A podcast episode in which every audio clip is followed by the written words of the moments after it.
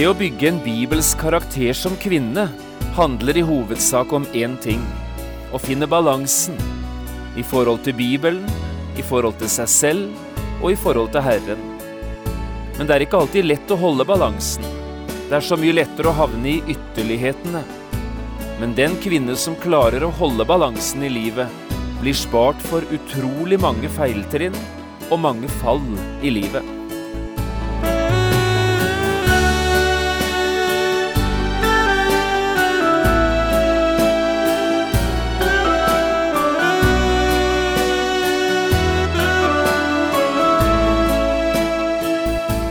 Hjertelig velkommen til et nytt program i serien Vindu mot livet. Programmet er produsert av Kristen Riksradio og blir ledet av Jon Hardang. Kristen Riksradio drives av frivillige gaver. Vi er glade for din støtte.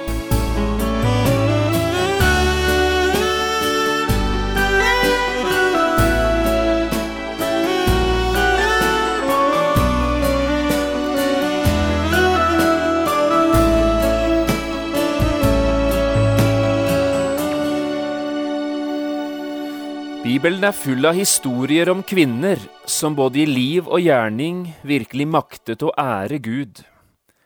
Vi snakker i denne bibelundervisningsserien om det å bygge en bibelsk karakter, og skal i dette programmet løfte fram noen av disse bibelske kvinnene, som hver på sin måte lærer oss viktige ting om hva det innebærer å ha en bibelsk karakter.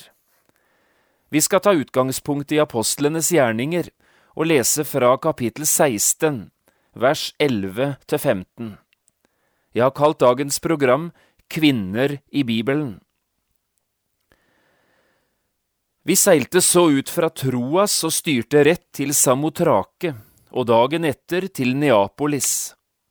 Derfra dro vi til Filippi, som er den første byen i den delen av Makedonia, og en romersk koloni. Der i byen ble vi da noen dager. På sabbatsdagen gikk vi utenfor byporten, ned til en elv, hvor de pleide å holde bønn. Vi satte oss der og talte til de kvinnene som var kommet sammen. En av dem var en kvinne ved navn Lydia, en purpurkremmerske fra Tyatira, som dyrket Gud etter jødenes tro. Hun hørte på, og Herren åpnet hennes hjerte, så hun ga akt på det som ble talt av Paulus. Da hun og de som tilhørte hennes hus var blitt døpt, ba hun oss og sa, Så sant dere holder meg for å være en som tror på Herren, så kom hjem til meg og bo der.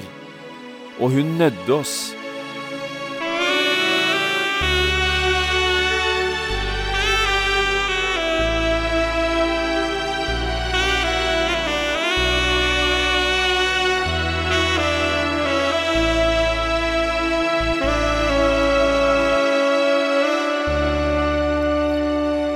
Hele Bibelen, både Det gamle og Det nye testamentet, er full av historier om gudfryktige kvinner som fikk leve sitt liv til Guds ære.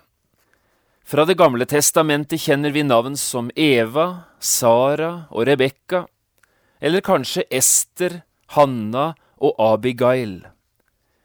I Det nye testamentet møter vi akkurat det samme.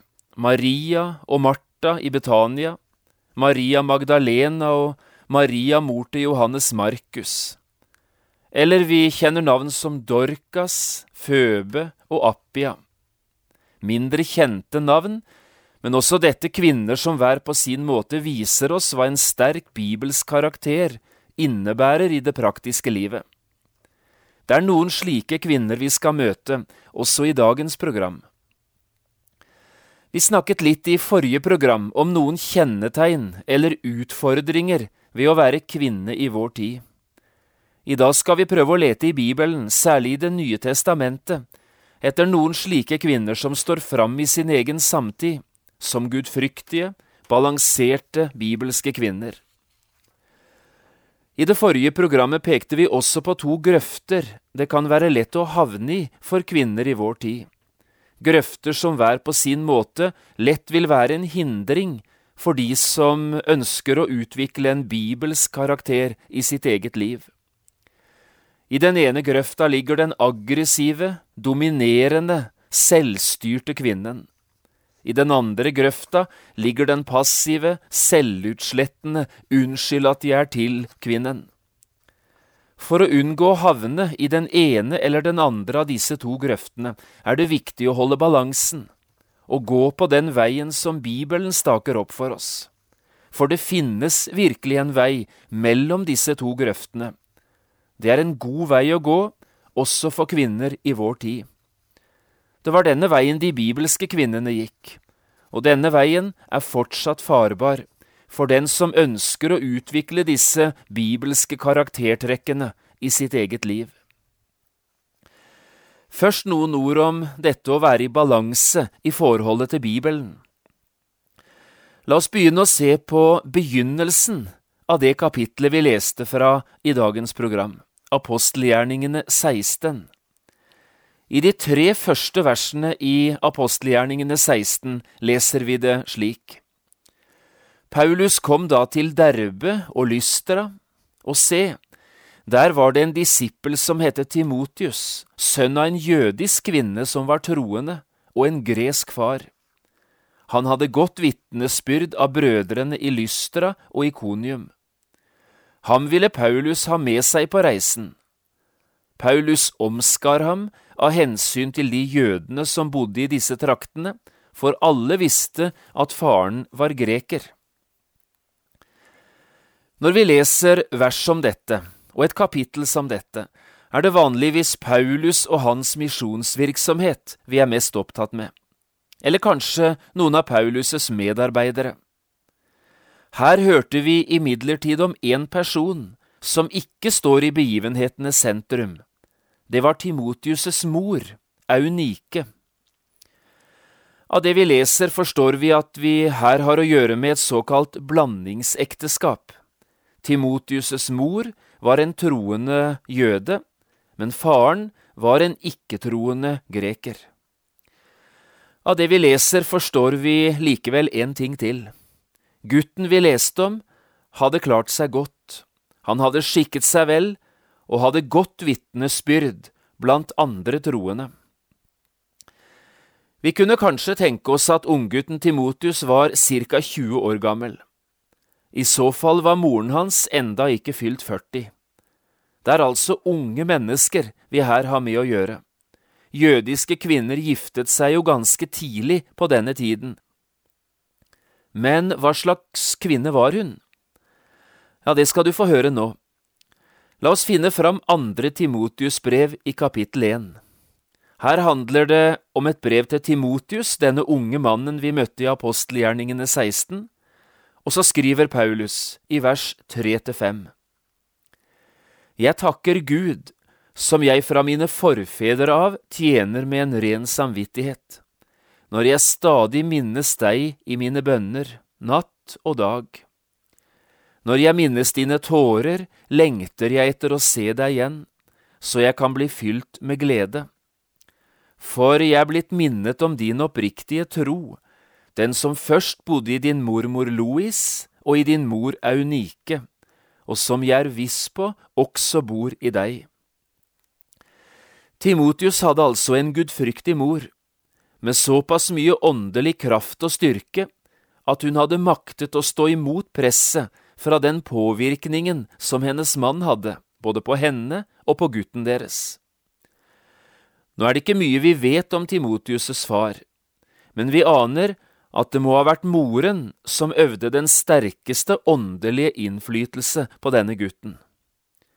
Og vet du hvor Aunike, Timotius' mor, hentet denne styrken fra? Ja, det ser vi litt lenger ut i andre Timotius brev, i kapittel 3, i vers 14 og 15. Hør hva Paulus skriver her. Timotius, bli du i det du har lært og er blitt overbevist om du vet jo hvem du har lært det av.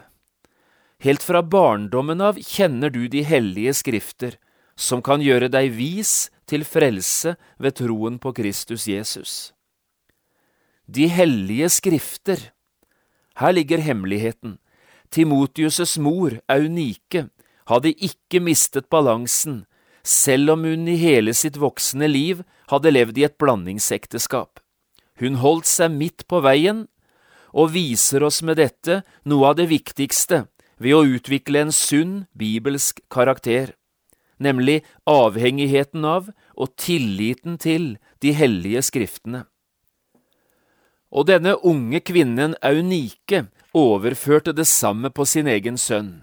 Respekt for, kjærlighet til, tillit til Gud, slik han har åpenbart seg i sitt ord. Aunike levde et liv i balanse i forholdet til Bibelen, i forholdet til Guds ord.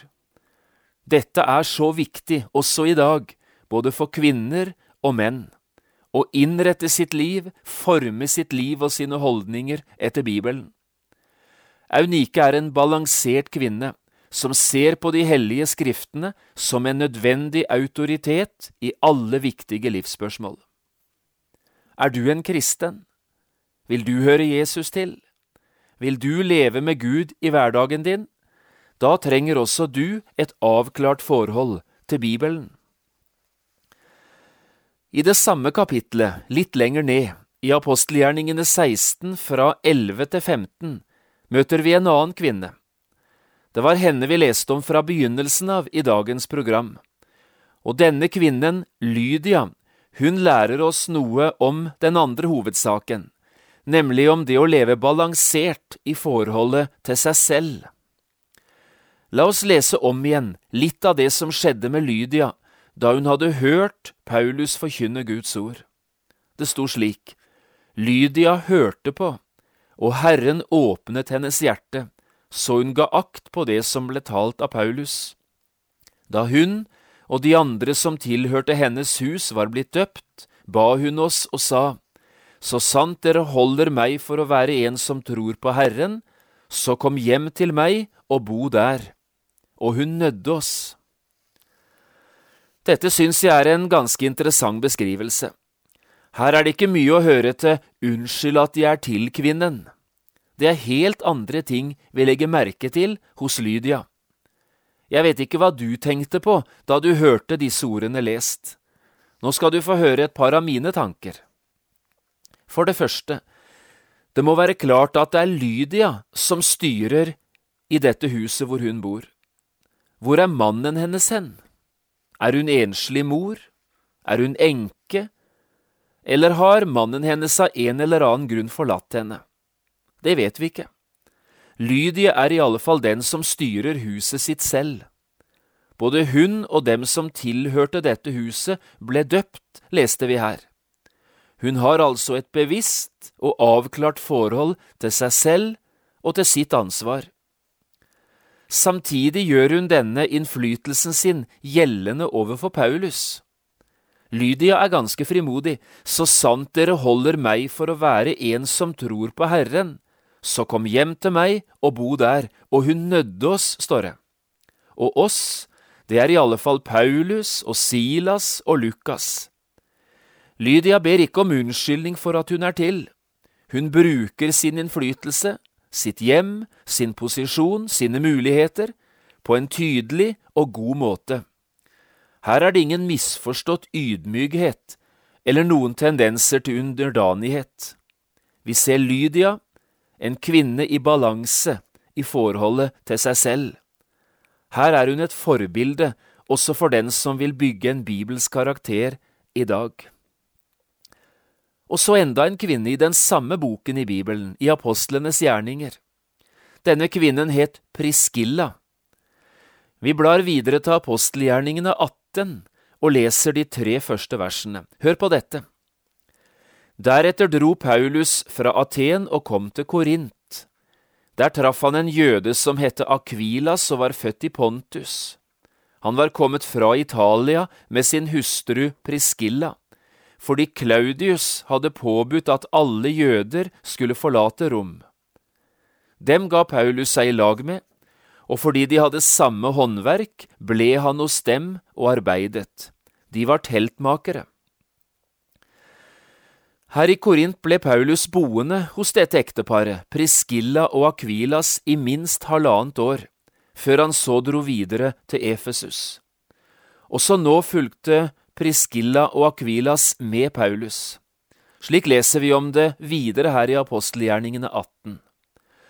Og så bosetter disse to, Priskilla og Akvila, seg i Efesus, mens Paulus etter hvert drar videre østover mot Cesarea og Antiokia, før han så igjen kommer tilbake til Efesus. Det er tydelig at Priskilla og Akvilas i fellesskap blir noen av lederne i den nye menigheten i Efesus, med særlig ansvar for å ta seg av disse som var nye på veien. Mens Paulus var ute på reise, så skjedde noe spesielt. Hør fra vers 24. Det var en jøde ved navn Apollos, født i Alexandria, som kom til Efesus. Han var en veltalende mann, og han var sterk i skriftene. Han var opplært i Herrens vei, og da han var brennende i ånden, talte og lærte han grundig om Jesus, enda han bare kjente Johannes' ståp. Han begynte å tale frimodig i synagogen.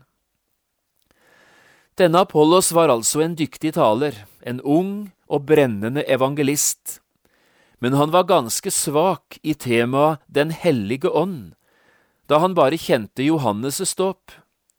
Dette hørte det troende ekteparet. De la merke til den iver og kunnskap han la for dagen, men de registrerte også hullene som fantes i hans forkynnelse. Og så i vers 26 kommer det en interessant bemerkning. Da Priskilla og Akvilas hadde hørt ham, ba de ham til seg og la Guds vei nøyere ut for ham.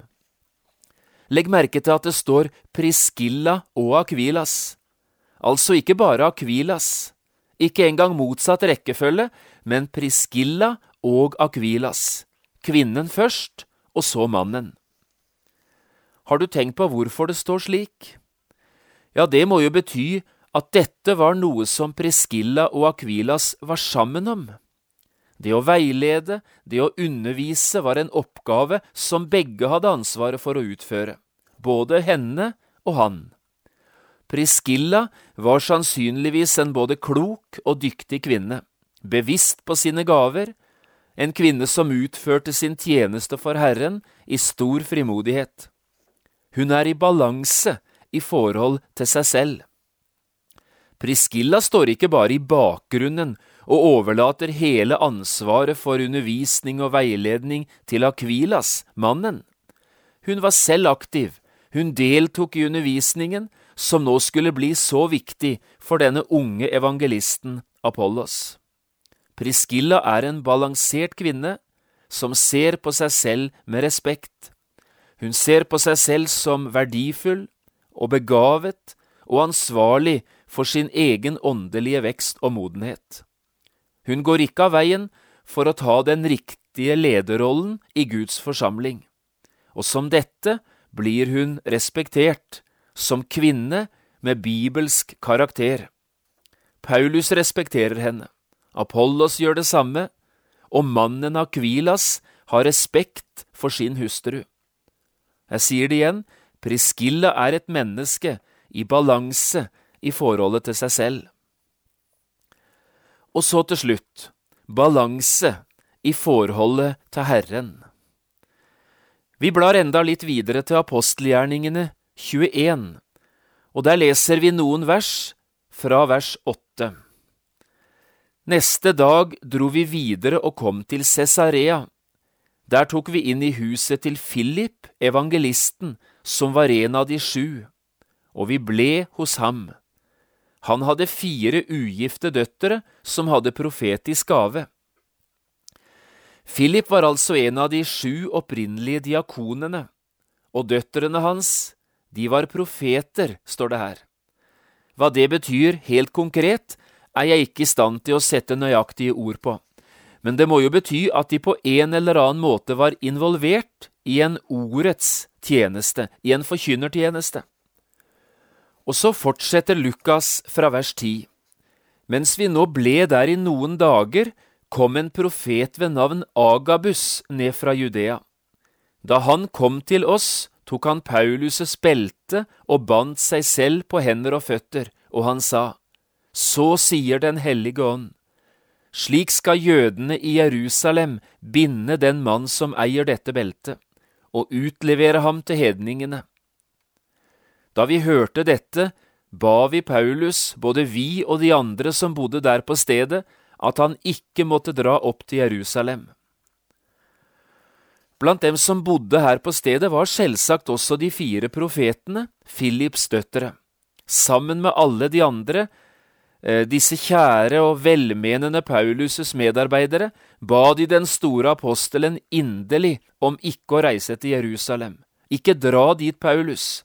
Nå har du fått høre det, til og med i et profetisk budskap, hva du har i vente. Ikke reis. Men Paulus svarte, står det, Hvorfor gråter dere og knuser mitt hjerte? Jeg er beredt, ikke bare til å bli bundet, men også til å dø i Jerusalem, for Herren Jesu navns skyld. Og så kommer det noe kjempefint. Da Paulus ikke lot seg overtale, slo vi oss til ro og sa, Skje Herrens vilje.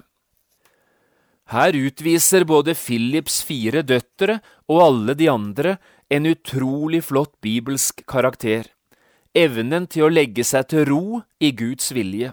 Skje Herrens vilje, sier de. De er i balanse også i forhold til Gud selv og til Hans vilje. Det er som de sier, Gud er både allmektig og god. Skulle noe sted være tryggere enn å slå seg til ro med dette? Skje din vilje. Ingen har blitt til skamme som har lagt sitt liv i den gode Guds hånd. Hvorfor skulle vi slite og streve hvis det er slik saken står?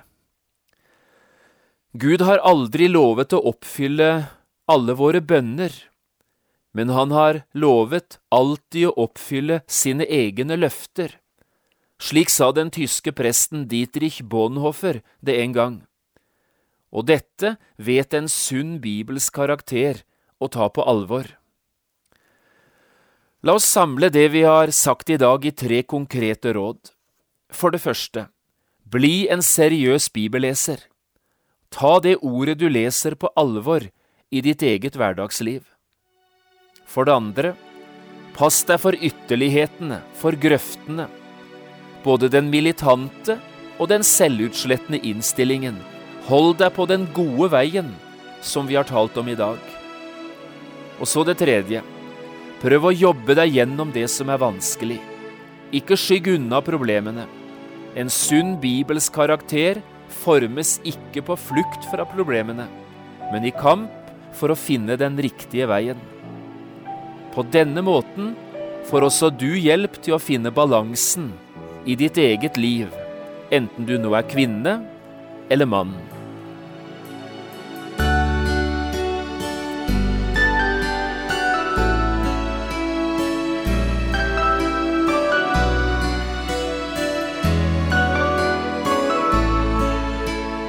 Du har hørt på et program fra serien Vindu mot livet med John Hardang.